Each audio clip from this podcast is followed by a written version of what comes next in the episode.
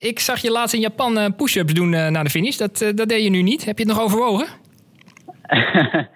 nou, ik was nu behoorlijk opgelucht, want ik had, ja, ik had last van mijn hamstring.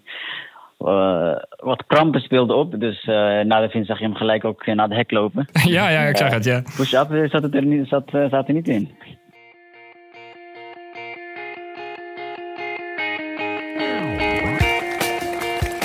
Nageye loopt dan ongeveer twee minuten onder zijn eigen nationale record uit 2017.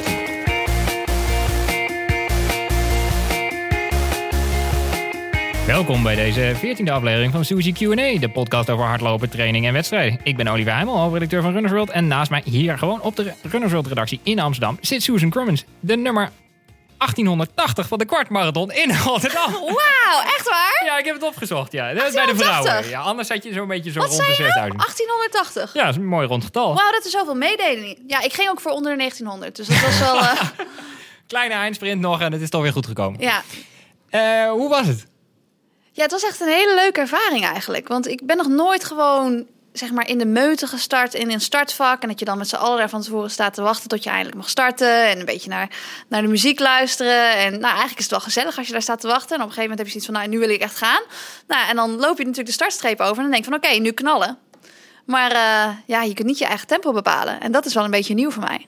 Want even voor de luisteraars, jij was daar niet eh, om een hele snelle tijd te lopen. Nee, klopt. Ik uh, was daar als onderdeel van de Hardloop Challenge. Uh, waarvoor ik dus ambassadeur was. En natuurlijk ook wat clinics heb gedaan met mensen om ze dan te motiveren om daar die 10 kilometer te lopen. En daarmee gingen we dan dus ook geld ophalen voor het goede doel. Ik zeg trouwens de hele tijd 10 kilometer, maar het is een kwart marathon. Maar ja, 10 kilometer is gewoon mijn ding. En die laatste 500, dat komt wel goed natuurlijk. Ja, maar in ieder geval gingen we dus geld ophalen voor de Linda Foundation. En nou ja, als onderdeel daarvan ging ik dus meelopen met een van de lopers van de Hardloop Challenge, Marcel. En uh, en waarom Marcel? Uh, nou, die werd gewoon uitgekozen. Dat is, oh. ik, ik weet niet waarom, waarom. Arme hij. Ja, arme hij. Hij vond het niet erg. Want het oh. gebeurde eigenlijk een beetje last minute. Want eigenlijk zou ik met iemand anders meelopen die zich ja, in de warming-up blesseerde. Oeh. Ja, en die warming maar was het een warming-up die jij gaf? Uh, ja. Nou, ga nou iets nieuws doen en doen pang. Ja, dat dacht ik echt van, we gaan het even... Nee, ik heb het sowieso al uh, een beetje makkelijker gemaakt, de warming-up. Maar het is me toch gelukt om hem te blesseren. maar ik voel me natuurlijk super schuldig. Maar hij zei tegen mij wees gerust. Ik voetbal ook. En in mijn voetbalteam noemen ze mij de man van glas. En tegenwoordig noemen ze me zelfs de man van kreppapier. Ik zei, ja, dat, dat blijkt. Het regende een beetje vanochtend. En kreppapier is helemaal gewoon... Uh... ja, het ging helemaal mis. Dus, uh, maar goed, ik liep dus in ieder geval wel met Marcel mee. En toen mocht ik hem onderweg een beetje coachen. Een beetje tips geven. En ik merkte op een gegeven moment dat uh, in de laatste kilometers... dat zijn, dat zijn pas heel erg kort werd. En toen dacht ik van, je moet even wat langere passen maken. Een beetje je kin intrekken, zodat je rechtop loopt. Schouderbladen bij elkaar, beter ademhalen. En hij zei na de hand dat dat allemaal heel erg geholpen heeft. En ik liep de hele weg met een ballon. En dat is wel leuk, want er was dus een ballon van de hardloop challenge. En ik dacht van ja, op een gegeven moment heb ik natuurlijk genoeg van die ballonnen en dan laat ik hem gewoon gaan. Maar ja, ik merkte dat, dat Marcel er af en toe even af moest. En dan liep ik natuurlijk een stukje voor hem, want je kon niet naast elkaar lopen. Daar was het gewoon echt veel te druk voor. Dus nou ja, hij zei na de hand ook wel dat hij dan verderop keek en dat hij zo 50 meter verderop de ballon zag. En dan liet ik hem eventjes een beetje omhoog gaan, zodat hij hem dus wat beter zag. En dan ging hij weer naar de ballon toe rennen. Dus uiteindelijk toch uh, eh, 10 kilometer met de ballon gelopen. Dat is ook een eerste keer. Ik, ik zie een grote carrière voor je als pacer. Eh. ja, als pacer. Ja, misschien ga ik het ook nog wel doen. Het, is, het, het geeft wel voldoening als iemand dan toch een doel haalt, zeg maar. Uiteindelijk was zijn doel wel om iets sneller te lopen, maar het was natuurlijk behoorlijk warm. En we merkten ook meteen dat je eigenlijk het tempo wat wij wilden lopen, dat je dat gewoon niet kon lopen omdat het druk was op het parcours. Maar ik heb er wel een beetje voor gezorgd dat hij zich, ja, in plaats van er een beetje lomp door te gaan zigzaggen, een beetje rustig gaan opbouwen. En, en toen de weg eenmaal vrij was, om dan wel gewoon een beetje geleidelijk aan het tempo op te voeren. En niet opeens beginnen te sprinten, want dat doe je normaal ook niet midden in een 10 kilometer. Dus ik heb hem daar wel een beetje mee kunnen helpen. En dat uh, ja, is uiteindelijk mooi dat hij dat na de hand wel iets aan gehad heeft. Ja, en probeer je voor te stellen als een soort uh, app of haas. Wat voor dingen zeg je onderweg?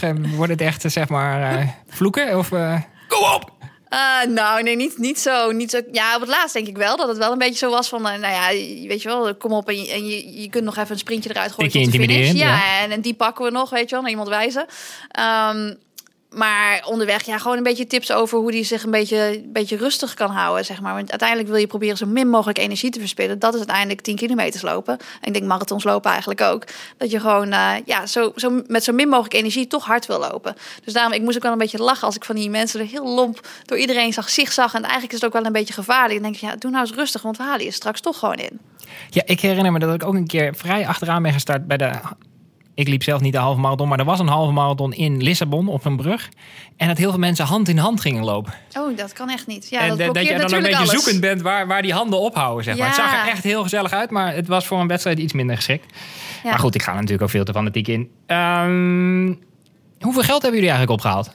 Eh, even kijken, wat was het? 68.310 euro. Holy shit. Ja, en het, het, ja, de donaties komen ook gewoon nog steeds binnen. Ik wist ook niet dat het kon, maar er komen blijkbaar nog steeds donaties binnen. Dus het is wel, het is een groot bedrag, maar het wordt ook nog groter. Dus het is wel echt eh, ja, een belachelijk groot succes. Om uh, Ivonie even te citeren. toch? Het was een unaniem belachelijk groot succes. Ja, Hey, dan de marathon. Eén deelnemer overleed, eh, wat een afschuwelijke sluier over het evenement heeft gelegd. Eh, maar er waren ook prachtige prestaties. Abdi Nageye bijvoorbeeld verpletterde het Nederlands record. Eh, we gaan even luisteren naar de NOS. Ondanks stijve hamstrings houdt Nageye in de slotfase stand. Hij passeert hier de Keniaan Vincent Rono en rukt op van plaats 5 naar 4. Nageye loopt dan ongeveer 2 minuten onder zijn eigen nationale record uit 2017. En op plaats 4 Abdi Nageye. Een nieuw nationaal record 2.06.17. Een machtige prestatie. Het is gewoon ongelooflijk. Je, je traint zo hard, je, geeft alles voor vier maanden lang midden in nowhere in Kenia in het bos. 2400 meter hoogte. En dan, dit is het resultaat dus. Ja, super blij mee. En diezelfde Abdi Nageye hebben we nu aan de lijn. Abdi, van harte. Denk ik wel. Eh, hey, ik zag je laatst in Japan eh, push-ups doen eh, na de finish. Dat, dat deed je nu niet. Heb je het nog overwogen? nou, ik was nu eh, behoorlijk opgelucht, want ik had, eh, ja, ik had last van mijn hamstring. Eh, wat krampen speelden op, dus na de finish zag je hem gelijk ook naar de hek lopen. ja, ja, ik zag het, ja. Push-up zat, het er niet, zat, zat er niet in. Hey, het viel me ook op dat je geen horloge droeg. Dat had je in Boston en Berlijn nog wel. Was het een bewuste keuze? Ehm, ik had mijn horloge om tot, denk ik, twee minuten voor de finish. Toen moest Oh. ik in één keer ook heel snel naar het toilet. Voor de finish En, of eh, voor de dacht start? ik, eh, eh, voor, de, voor de start, sorry. Voor de start. Oh, ik denk dat Oh. eh, ergens bij 40 Is kilometer hij, ligt nu eh, een horloge. is hij in de wc gevallen? Nee, het was eh, voor de start en in één keer dacht ik, eh, ja, waarom heb je een horloge eigenlijk om? Je gaat Ja. met de kopgroep, ehm, straks eh, krijg je, dus gaat het hard en dan denk je van, oh, dan ga je te veel naar je horloge kijken. En je doel was gewoon, jij gaat voor de winst. Dus die horloge moet weg. Dus ik heb heel snel mijn horloge eh, afgedaan. Ja, gewoon tactisch anderhalf lopen. minuten voor de start. Sorry? Ja, gewoon tactisch lopen, dat is wel mooi. Want dan, eh, inderdaad wat je zegt. Anders dan eh, raak je helemaal in paniek dat je te hard gaat misschien. En terwijl je het eigenlijk wel kunt Ja. als je er gewoon niet te veel over nadenkt. Ik vind het wel, eh, wel mooi. Ja. Want je kwam Nee, al- absoluut. En, sorry. En eh, wat gebeurde was, eh, ergens, ik, ik, ik denk ja, bij 18, 17, eh, nummer 3 was een beetje onrustig. Dus die ging elke keer naar voren met de, met de pacers, eh, met de hazen praten van eh, wat sneller. En, eh, maar toen ging we een keer echt te hard. En toen ehm, zei nummer 2, Mike Keegan, die trainde met mij. Die zei, eh, ja, it's too hard up, die running eh, eh, 250. Ik zei, don't tell me. I don't want to know. Ja, en, maar toen ik dat zei, dacht ik, oh ja, het voelt ook hard. Terwijl ik toen aan het reageren was van, eh, eh, een beetje berekenen lopen, maar ik was niet bezig van eh, wat voor tijden we lopen nu. Maar zo van, eh, het gaat te hard, dus daar ben je meer mee bezig. En hoe ga ik hiermee om? En niet van, eh, eh, zij lopen nu 2,50 en ik moest eh 2,57 lopen. Want eh, halverwege kwam je door in 1.2.16. Dat was eh, tot voor kort bijna je PR. Zag je toevallig wel die klok halverwege, of niet? Ehm, nee, de- ja, ja, klopt trouwens, klopt. Ja, ik zag de, de, de enige tijd die ik zag, eh, of klok, was eh, bij de half marathon. Ik zag het en toen, eh, en ik wist het ook, want ik wist dat we aan het, eh, ja, een paar keer hebben versneld. En de race directeurs waren echt druk bezig om te zeggen, eh, rustig lopen jongens, aan de afspraak houden. Maar zoals ik zei, ja, die, die twee jongens vooral die samen trainen, nummer 1 en 2. Eh, vooral nummer drie. Die, ehm, ehm, die, was elke keer, die ging elke keer naar voren en tegen de haas zeggen van dat ze harder moesten. En die keek ook elke keer achterom. Ik dacht, is die nou met mij bezig? Hij keek echt recht in mijn ogen. Toen dacht ik, ben je nou bang voor mij? En, eh, Nice. en dan ging hij kijken en dan zei hij nog een keer eh, versnellen. En dan was het aan het versnellen. Dan ging hij nog een keer kijken. Dus hij was echt bezig van om, de, om het veld uit elkaar te trekken eigenlijk.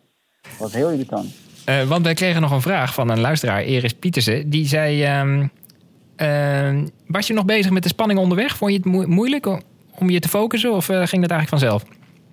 Ehm, het ging, eh, nou als ik zeg het ging wel, dan eh, lieg ik. Ik denk dat ik ja, gezonde spanning had, maar ook vooral eh, zo van, ja, het is toch een behoorlijke stap om met de eerste groep mee te gaan. Ik heb het, ja, een jaar geleden had je me dat gevraagd, dan dacht ik, eh 62 doorkomen, ben je gek. Ehm, nee, dat gaat me nooit lukken de komende tijden.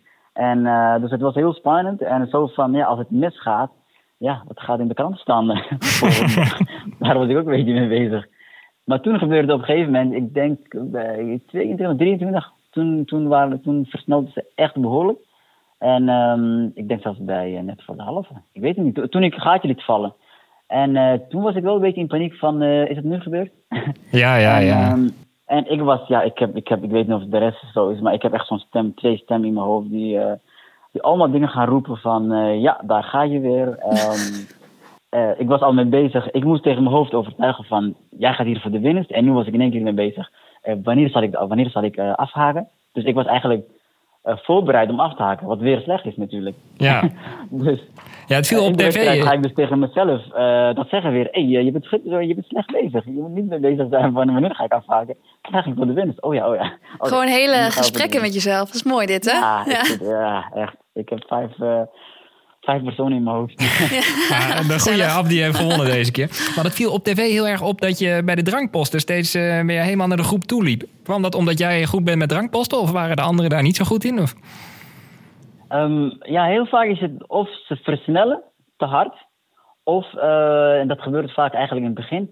Maar uh, meer als je in de wedstrijd uh, ingaat, dan gebeurt dat dat wat, wat, wat langzamer gaat. Dus omdat, ja, omdat je naar de, naar de, die drankje moet pakken en, en niemand gaat met tijdens drinken uh, en hijgend gaan versnellen. Dat gebeurt heel vaak. Dus ik, was, ik dacht, als ik uh, wat, wat gaatje laat vallen, ga, heb ik, ben ik buiten straks als iets valpartij of zo gebeurt. Dus ik blijf safe. En, um, en ik pak dit drankje en ik ga niet gelijk drinken, maar ik ga gelijk dan aansluiten en dan pas drinken. Dus dat was eigenlijk een beetje mijn tactiek.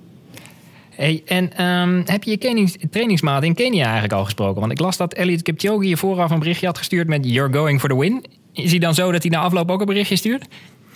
Um, ja, we hebben zo'n groep app en uh, iedereen laat uh, zeker een bericht achter. En, oh, wow. uh, dus iedereen heeft mij gefeliciteerd. En ja, vooral gewoon de overtuiging die ik had. En ze wisten natuurlijk gelijk, want de manager zal ook gelijk doorvertellen dat ik een hamstringprobleem had. Dus ik kan nu zeggen van ja, ik heb twee zes, zes laag, maar jullie weten, ik had hamstringproblemen. Dus ja, heel goed. Ja. kan, kan, kan nog harder. Hey, en je had ook een beetje last van steken in je zij onderweg. Dat had je in Berlijn ook, maar nu had je een, een manier gevonden om dat te bestrijden? Ja, ik heb, uh, we hebben een uh, fysio in Kenia. Die zei uh, tegen mij naar, naar Berlijn, dus toen ik daar terug was gaan. Als die volgende keer, hè, dat heb ik ook met Elliot gedaan, als je steek krijgt, uh, dan moet je op de plek uh, keihard drukken en uh, blijven doorademen. Hm, ga ik ook proberen. Dus ja. Handig. Ja, dus niet, niet zeg maar knijpen. Soms ging ik dan knijpen of soms dan, was je, dan ging je even diep ademhalen. Uit, nee, hij zegt gewoon door blijven ademen, maar op die plek gewoon keihard drukken. En dat, dat, dat, dat, je ook dat hebt tijdens een massage ook. Ik heb vaak gehoord, als je soms, je hebt van die drukplekken of zo. Dus als je mm -hmm. gewoon keihard drukt en dan weer loslaat, dat het beter is dan uh, heen, heen, heen en weer masseren, zeg maar. Dus ik denk dat dat ongeveer hetzelfde of zo gebeurt. Oh, dus, maar dat is ja, een goede tip, ja. Ik, ik, ik, zie, ik zie ik steek opkomen, of ik voel, en dan ging ik echt zo keihard drukken en was in één keer weg. Dus ik dacht, nou, dat is goed, goed gegaan. Maar het was wel, het was niet, ook, ook niet heel erg trouwens. Ik, ik denk dat ik te veel had gedronken of zo. Ik had gewoon, ja, beetje volle buik ook. wel gek misschien. En dat is altijd wel, uh, ja, timen van uh, ja, hoe ga je eten, hoe, hoeveel. En, ja.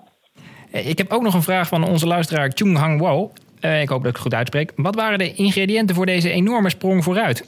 Want je hebt natuurlijk een flinke hap eraf gehaald. Wat is het voor jou in jouw hoofd? Is het vooral de groep in Kenia?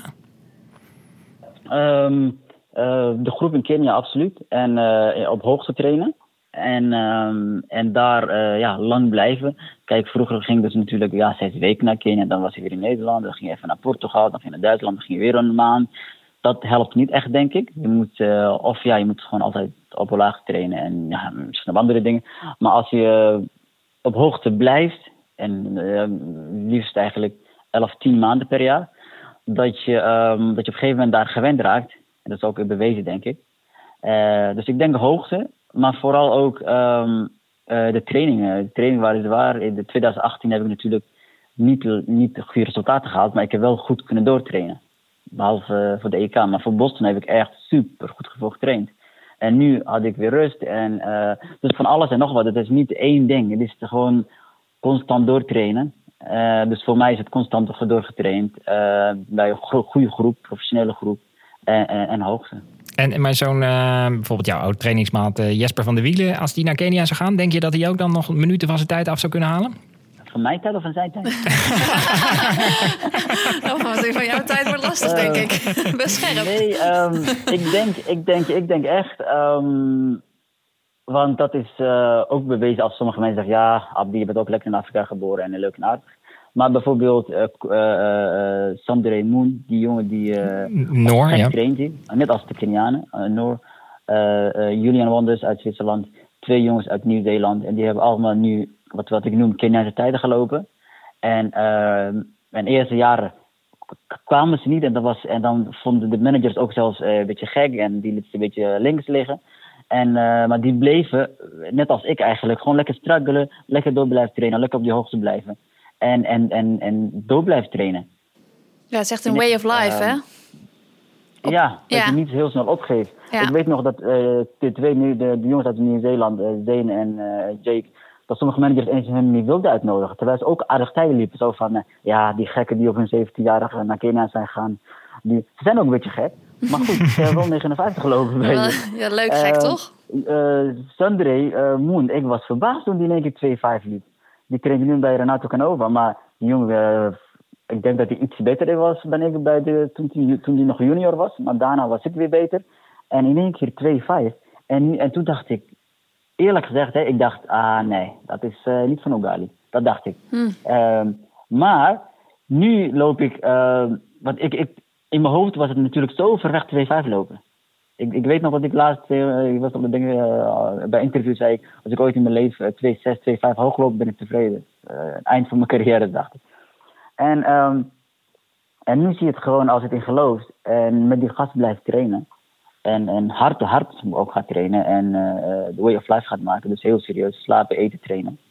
En dat gewoon blijven doen, ook als je een slechte jaar hebt, blijven doen, blijven doen. Dat de resultaten vanzelf komen. En net als jongen, nu als Julian Wonders. Ik weet nog een jaar geleden dat iedereen uh, voor, uh, voor gek verklaarde. Omdat hij dan, ja, hij postte natuurlijk als zijn trainingen. En oh, te hard, te jong, dit en dat. Uh, maar hij is nu 24 en hij heeft drie Europese records gelopen. Maar die, die doet niks anders dan trainen, heel hard trainen, slapen, eten.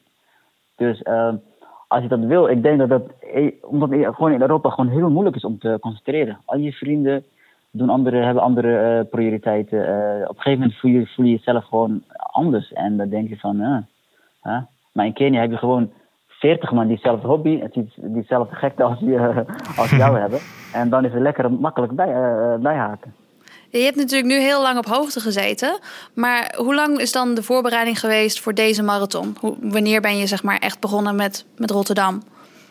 Um, met Rotterdam was ik begonnen. Uh, toen was het nog niet bevestigd over. Maar voor in mijn hoofd wist ik, wist ik als ik Rotterdam ging lopen. Eigenlijk half november. Ja, dus dat is november. best wel. Ja, dus eigenlijk zou je dan op die manier twee, twee marathons per jaar kunnen. zo'n volledige voorbereiding kunnen doen.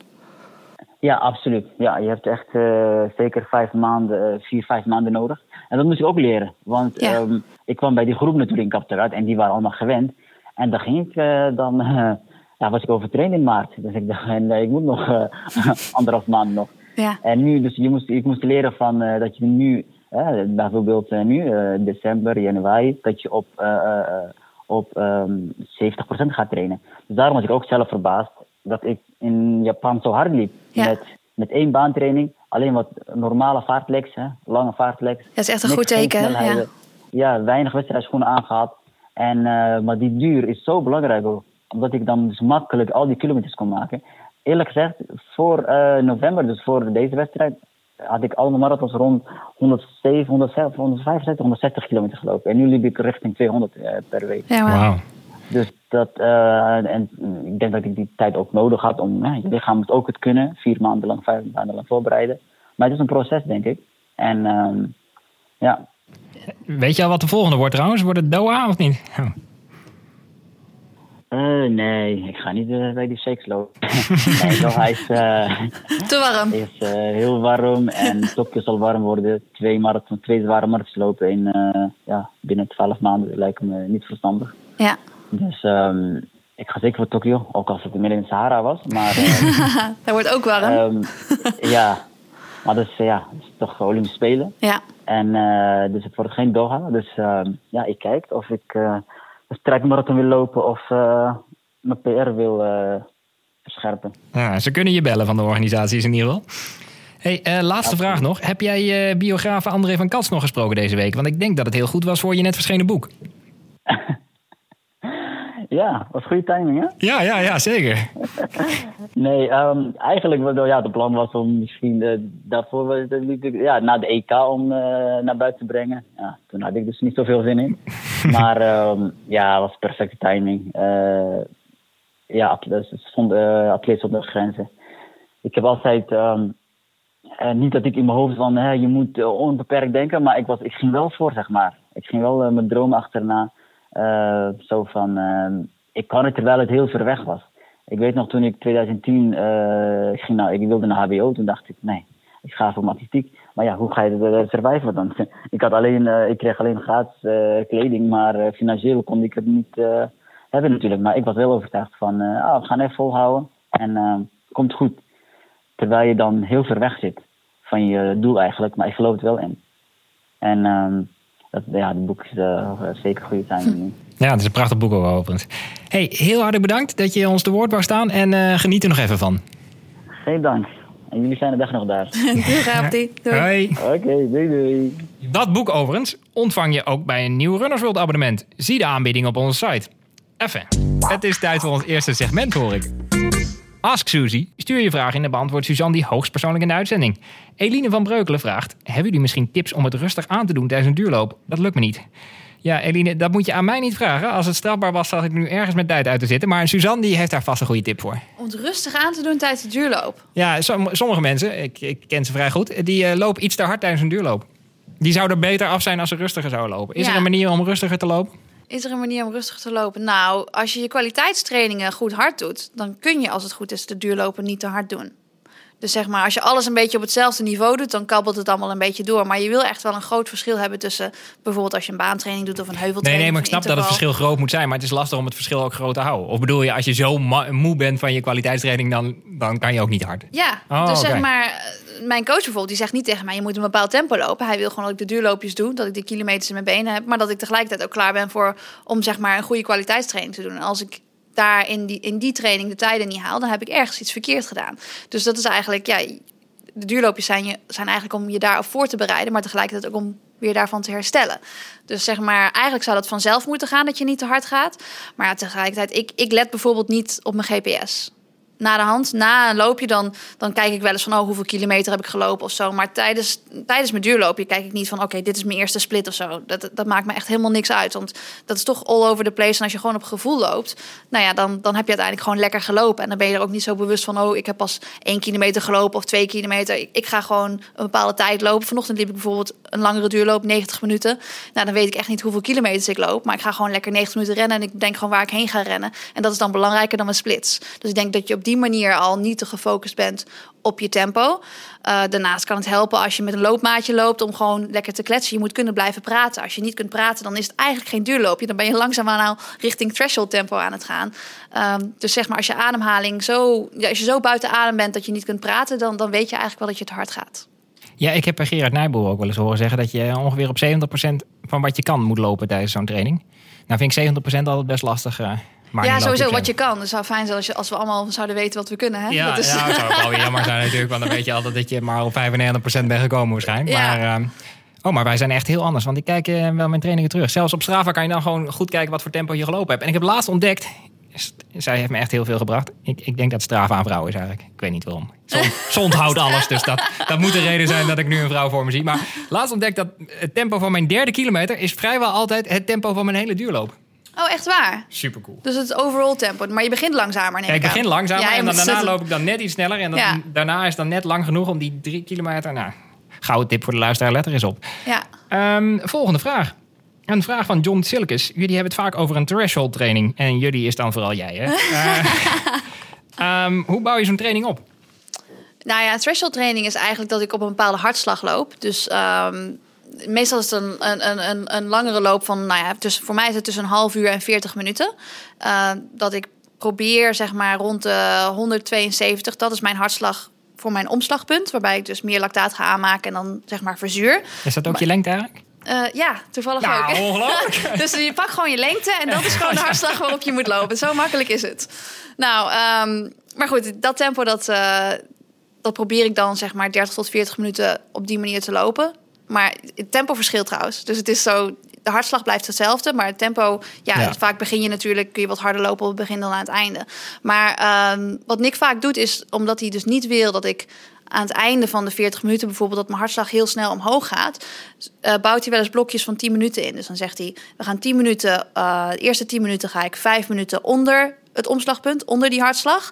En dan de tweede 10 minuten ga ik echt op, precies op die hartslag zitten. En dan weer 10 minuten iets eronder en dan weer 10 minuten precies erop. En op die manier ga je dus niet te hard lopen. Want je, ja, je wil eigenlijk niet dat het, een, dat, dat het zo snel wordt dat het eigenlijk een, een soort van baantraining tempo's worden. En een VO2 max. Dat ben je op dat moment niet aan het trainen. Ik eh, begrijp Te het technisch? Nee, nee, ik, eh, ik kan je nog volgen. En mocht het te technisch zijn, dan krijgen we vast een mailtje en dan zetten we dat de volgende keer recht. Ja. Ik heb nog een eh, vraag van Lieselotte van den Berg. Hoe, hoe kan jij een beetje goed slapen na een intensieve wedstrijd? Ik lig altijd een nacht wakker van de adrenaline, de cafeïne en de pijn. De pijn.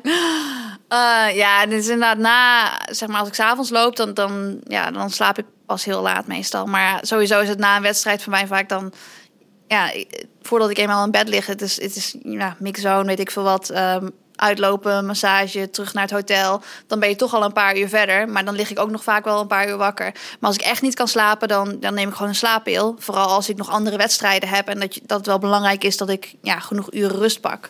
Maar eh, ja, als ik om tien uur s'avonds een wedstrijd loop, dan eh, is het vaak zo dat ik niet voor vier uur slaap. Dat klopt wel. Nee, voor de luisteraar voorzichtig met die pillen uiteraard. Maar kijk Ja. je ook wel eens een wedstrijd terug? Kijk een wedstrijd terug. Ja, ik kan me voorstellen dat je net een Olympische vijf kilometer hebt gelopen... en dan toch s'avonds nog even op YouTube eh, wil kijken hoe je het gedaan hebt. Eh, Het ziet er toch altijd anders uit als een stervende zwaan. Nee, dat klopt. Ja, nee, maar bijvoorbeeld Berlijn heb ik pas heel laat een keertje teruggekeken. En dat was echt wel bijzonder, omdat, er, ja, omdat iedereen het er steeds over had en me berichten stuurde. En ik begreep het niet zo goed totdat ik zelf de beelden zag. Maar dat was echt pas een week later of zo. In je hoofd dat- bleef je gewoon heel fier strak vooruit lopen. Ja, nou, dit viel wel mee, toch? Nee, maar eh, ja, vaak dan, eh, als, je, als je goed hebt gelopen, zo, dan heb je, krijg je natuurlijk berichtjes van mensen. En dan ga ik wat berichtjes beantwoorden. of Zo. Dan ben je met andere dingen bezig dan dat je zelf nog weer de wedstrijd wilt terugkijken. Want ja, je was er toch net zelf bij. Ja, dat is waar. Ja. Ja. je bent geen goudvis. Maar ja, ik heb dus eigenlijk niet, zo, goed- niet zoveel goede tips. Het is inderdaad wel zo, ook als je s'avonds een, een, een, eh, ja, een kwaliteitstraining doet, een meer intensievere training, dat het gewoon lastig is om eh, in slaap te vallen. En, en dat is ook wel een van de redenen dat ik veel van mijn kwaliteitstrainingen 's ochtends doe. Ja, dat is een goede tip. Ehm, een eh, vraag van Radio René, althans dat is haar Instagram-naam, denk ik. Ehm, wat drinken jullie tijdens de training wedstrijden? Zij zag eh Abdi iets bijzonders drinken. Ik denk dat dat Morten was. Ik denk het ook, ja. Ehm, drink jij iets bijzonders? Ik neem aan dat je gewoon het lopend buffet overslaat, zoals de meeste toppers. En dan je eigen flesje hebt. Ja, nou, ik drink eigenlijk niet tijdens de wedstrijd, want... eh, Ja, ja, die korte stukjes. Ik loop natuurlijk ook niet zo ver. Dus eh, ja, tijdens een halve marathon zou ik misschien wel gaan drinken. Maar ik heb pas één halve marathon gelopen. Toen heb ik wel wat gedronken, gewoon wat water gepakt, geloof ik. Dus dat was wel gewoon van de drankpost. Maar ja, ik zit natuurlijk niet om. Ik loop niet zo ver dat ik echt met, eh, met energie bezig moet zijn. Zeg maar als het goed is, kan ik gewoon genoeg van tevoren in mijn lichaam stoppen. Zodat ik niet. Ja, omdat ik. Ja, mijn halve marathon is natuurlijk rond de 70 minuten. Dus op zich zou je dat gewoon. eh, voor de wedstrijd tot je moeten kunnen nemen. Ehm, het schijnt wel zo te zijn als je bijvoorbeeld een, een gel of zo eh, in je mond doet en als je dat gewoon in je mond houdt, die suikers, dat je dan al zeg maar je, je hersenen kunt foppen, dat er meer energie is en dat je daarvan zelf al meer energie van kan krijgen zonder dat je het echt, nou ja, tot je neemt en doorstikt en dat het in je maag zit. Dus als je zeg maar bang zou zijn bij een, bij een halve marathon dat je ergens last van krijgt, dan zou je dat in de laatste vijf kilometer bijvoorbeeld kunnen doen. Maar ja, ik ver- verder zelf dan ja, ik heb me daar niet echt in verdiept, omdat ik dus zeg maar tijdens de trainingen, dan kan ik wel drinken, maar dan heb ik ook gewoon pauzes. Dus dat is, ja, dat is natuurlijk anders dan dat je aan één stuk door blijft lopen. Ja, iedereen die eh, eens goed wil kijken hoe je moet drinken onderweg, moet eh, even terugkijken naar Koen Naerts eh, marathon afgelopen zondag. Want die was denk ik wel 40 kilometer aan het drinken. Die heeft ook allemaal boodschappen van zijn vrouw op die flesjes staan, maar die Ja, was maar aan het drinken. Die was gewoon heel rustig en hele administratie aan het afwerken. Ja. En aan het eind was het 2-7. Ja, gewoon helemaal in de zone. Echt mooi is Ja. dat. Maar ja, die is dat natuurlijk gewoon eh, goed geoefend in de trainingen en zo. Dus dan op een gegeven moment dan, ja, dan geeft dat misschien ook wel rust. Als je weet dat je in een bepaald ritme steeds je, je, je drankjes aanpakt en drinkt en weet ik wat allemaal, dan, dan weet je gewoon, ik lig op schema en het gaat gewoon goed. Dus ik denk ook wel dat zo'n routine, dat dat wel fijn is om te hebben. Ja, dat eh, denk ik eigenlijk ook. Ehm, veel oefenen, dat helpt. Heb je ook een vraag voor eh, Suzanne of voor mij natuurlijk? Mail hem dan naar mijn adres olivier.heimel.heurs.nl En wie weet komt jouw vraag dan in onze volgende podcast. En je kan hem ook op Instagram plaatsen. Hey, en dan onze eerste commerciële boodschap. Eh, en hoe passend in deze 14e aflevering van Suzy Q&A. Op 11 mei 2019 vindt namelijk de Cruijff Legacy 14 kilometer run plaats. Loop mee van het Olympisch Stadion naar de Johan Cruijff Arena en ervaar de hoogtepunten uit het leven van Johan Cruijff. Dit jaar word je meegenomen door zijn leven middels een speciale Johan Cruijff Audio Tour. Inschrijven kan nog tot 29 april op uh, www.14krun.org.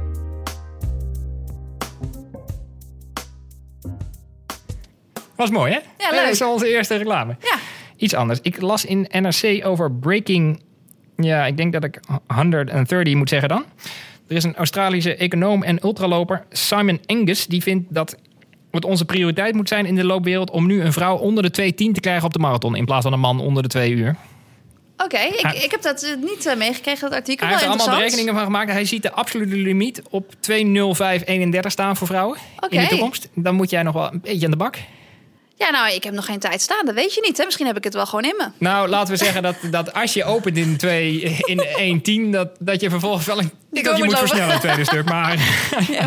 Maar misschien kom je dan net op gang. Hè? Dat kan ook. alles begint met ambitie. Daar ben ik helemaal met je eens. Ja. Maar is eh 2.10, zou je dat, eh, fascineert jou dat, die grens? Of zeg je, joh, Oh, fascineert mij dat. Nou, oh, het het is leuk voor iemand anders om dat te proberen. Maar voor mezelf heb ik niet zoiets van... eh, dat is een, dat is een, ja, ik weet niet. Dat is, het lijkt een barrière die gewoon heel ver weg is nu, hè? ja, er zit nog vijf minuten tussen. Ja, dus dat is... eh, en er is ook al lang niemand in de buurt gekomen van die snelste tijd. Dus nee, dat overigens is, bij ja. die 2.15 was wel een vrouw die hevig schudde met haar hoofd. Dus als je dat stil zou kunnen krijgen, zou je Ja. denken, dan pak ik al vijf minuten. Maar Ja, wie weet. Dat is mijn lekenblik erop. Ja, Ja. Want eh, tijdens die hele kwestie om onder de twee uur te komen... waren er ook eh, topatletes die zeiden... Ja. Nou is wel heel veel aandacht voor die mannen en die twee Nee, uur. dat is ook wel. Het is wel goed dat ze dat er dan ja, voor de vrouwen dat ze dan ook een project willen gaan doen. Dat is wel mooi. Maar ja, 210, dat, dat lijkt me wel echt super snel. Maar ja, ze zijn er toch wel, ja. Er zijn wel meer wereldrecords die interessant zijn om te proberen om daar Ja. alles in te stoppen om te kijken of we nog sneller kunnen. Ja, ik heb ook wel eens gehoord dat ze eh, overwogen om het eh, wereldrecord op de 800 meter aan te vallen. Want het is precies 100 seconden. Oh, is dat zo? Ja. 1,40. Ja, het gaat ook allemaal- 100. Het gaat ook allemaal om die, om, die, ja, om die hele barrières. En eigenlijk zou dat natuurlijk niet helemaal moeten uitmaken of het, of het nou een, een heel getal is of niet. Eh, nee, precies. Als we Nee. een metopotanische getallenstelsel hadden, dan eh, zat het vast weer heel anders. Ehm, Suzanne, nog even een vraag. Wat jij de komende weken gaat doen eigenlijk? Eh, nou, ik ga morgen naar Flagstaff op hoogtestage. En, dat eh, is in Amerika? Ja, dat is in Arizona. Ehm, dus dan eh, vlieg ik naar Phoenix en dan land ik daar echt in de woestijn. En dan rijden we de berg op. En dan woestijn, wat voor de, rare dieren moet ik dan hier aan denken? vooral, vooral heel veel, ik wil zeggen cactussen. Maar eigenlijk wil ik zeggen cacti, want ik vind dat zo'n leuk woord. dat is altijd de vraag. Ja, cacti. Nou ja, goed, cactussen. Heel veel cactussen. Maar wilde dieren heb ik daar nog niet zoveel gezien. Nee, Echt een gymnasiumgrapje dit. Ja. Maar, eh, goed te zien. maar eh, eh, coyotes, of hoe heet die beesten? Nee, ik, ik zie daar helemaal geen, eh, geen ik zie daar nu leven. een mooi wild dier daar hangen. Maar het is, ja, ehm, nee, ja, ik zie, eh, ik heb daar nog niet zoveel wilde dieren gezien. In Californië zag ik altijd heel veel wilde dieren, maar ja, in Flagstaff niet. Dat is eigenlijk een beetje saai. Ja, ik weet ook niet of ik daar niet genoeg in de wildernis zit, want zeg maar alle paden en zo waar je daar op loopt, die zijn best wel breed. Dus je zit daar ook een beetje ver van de, ja, van de begroeiing af. Dus je, je loopt vrij veilig midden op de weg daar. Dus misschien is het daar is dit wel. een beetje het Kenia van eh, Arizona? Of eh, heb je wel wifi? En, eh, Oh nee, het is, het is, eh, er is genoeg te doen daar. Er is zeker wifi. Er zijn heel veel restaurants ook. Er is, er is genoeg afleiding voor als je dat zou willen. we gaan ook twee podcasts opnemen, volgens mij. Ja, we gaan ook twee po- podcasts vanuit eh Flagstaff. De, de microfoon is al ingepakt. Ik heb verder nog niet veel ingepakt, maar de microfoon is al ingepakt. Maar ja, nou goed, dan zit ik dus op 2000 meter hoogte. En dan eh, gaan we daar eventjes eh, hard trainen om te kijken of ik eh, ja, die limiet kan lopen voor Tokio. En eh, 2000, ben je daar gelijk een beetje duizelig van? Of eh, valt het allemaal mee? Ja, ik moet zeggen dat ik 2000 is best wel hoog. Ik vind eh 1800 vind ik zelf wat zeg maar bijvoorbeeld St. Moritz is, dat vind ik zelf fijner omdat je dan ook wat meer kwaliteitstrainingen op 1800 meter hoogte kunt doen. Maar in Flagstaff daar rijden we eigenlijk altijd iets naar beneden naar of naar Sedona wat op 1500 meter hoogte ligt of Cottonwood wat op 1000 meter hoogte ligt om daar zeg maar de baantrainingen te doen. Want ja, op hoogte kun je gewoon niet echt heel hard lopen. Dus uh, je kunt wel goed sprinten, maar als je zeg maar langere baantraining wil doen, is dat gewoon lastig. Um, dus ja, ik vind het wel. Je moet je altijd even aanpassen, altijd even een beetje buiten adem. Ook als je bijvoorbeeld de trap oploopt of nou, als je een burger eet of zo en je hebt een beetje een grote hap genomen, dat je meteen helemaal buiten adem bent na die hap. Dat gebeurt ja, gewoon. Een specifiek probleem waar ik nog niet over na had gedacht, maar. ja, nee, ja, dat, dat merk ik gewoon wel altijd. Maar dat betekent ook dat als je dan daarna weer naar zeeniveau gaat, dat je dus gewoon een burger kunt eten en gewoon helemaal geen adem hoeft te halen, want je zoveel rode bloedlichaampjes hebt. Dus dat is ook weer een voordeel. De voordelen zijn legio. Ja. En aan het eind van die hoogtestage loop je in Stanford. Is het Stanford of is het Stamford? Nou, het is Stanford, maar je loopt niet in, want het is eigenlijk een, universiteit. Dus je Op. loopt eigenlijk bij, ja, Oh, op, bij. ja, weet ik veel. Om en Eh, nabij. ja, in het, in Engels zeggen ze gewoon at Stanford. Oké, Ja. rond Stanford. En ja. at Stanford University, want dat is natuurlijk een universiteit. En dat is eigenlijk een universiteitswedstrijd. Ehm Ethan Jordan heet hij. Dat is, nou ja, eh, naar iemand vernoemd die in het hardlopen die ik niet ken. Een of andere, Arizona, ja. het is Johan Cruijff van Amerika. Ehm, maar eh, ja, het is eigenlijk dus een universiteitswedstrijd waar ook steeds meer eh, professionele atleten naartoe gaan om daar dus gewoon snelle tijden te lopen. Want het zijn gewoon super goede omstandigheden daar. Dus het is altijd windstil, niet te warm, niet te koud. Eh, ja, en omdat iedereen er ook samenkomt om gewoon zeg maar ja, op een zeg maar goed tempo een 10 kilometer te lopen, geen tactische wedstrijd, gaat echt om de tijden daar, is het gewoon een hele goede kans om daar een limiet te lopen. Dus het is natuurlijk niet mijn laatste kans, maar ik zou het wel fijn vinden om het daar gewoon meteen te doen. En ik moet me natuurlijk nog voor Doha plaatsen ook, dus het is wel En wat, handig. wat voor dat- tijd moet daar gelopen worden? Eh, ja, voor Tokio is het onder de 31,25. Eh voor. Doha is het iets langzamer. Ik had geloof ik in Berlijn net met twee seconden de limiet gemist. Nou ja, ik gewoon niet ik mijn zie best wel waar gedaan de natuurlijk, zit, ja. ik had beter mijn best moeten doen sowieso. Nee ja, dus eh, het zou wel mooi zijn. Twee vliegen in één klap. En ben je daar nog een beetje populair als een soort voormalige Yankee? Yankee, ja. Ja, Yankee is mijn favoriete woord trouwens, want mensen weten dat niet. Maar dat, dat is dus genoemd naar de Nederlandse Jan Kees. Dus de plaatselijke bevolking dacht dat iedereen in Amerika, die toen dan gewoon Nederlanders waren, Jan Kees heette. En daarom is dat verbasterd tot Yankee. En nu is het het woord voor Ja, ik ben ook zo'n typische Case. Dat klopt. Ja, dus, eh, ja, nee, ja. goed. Jij was natuurlijk ooit een university girl. Ja, dat klopt. Nee, dus ze kennen me daarom wel. En, en Flowtrack, die, die eh coveren meestal zeg maar de wedstrijd en laat ze dan...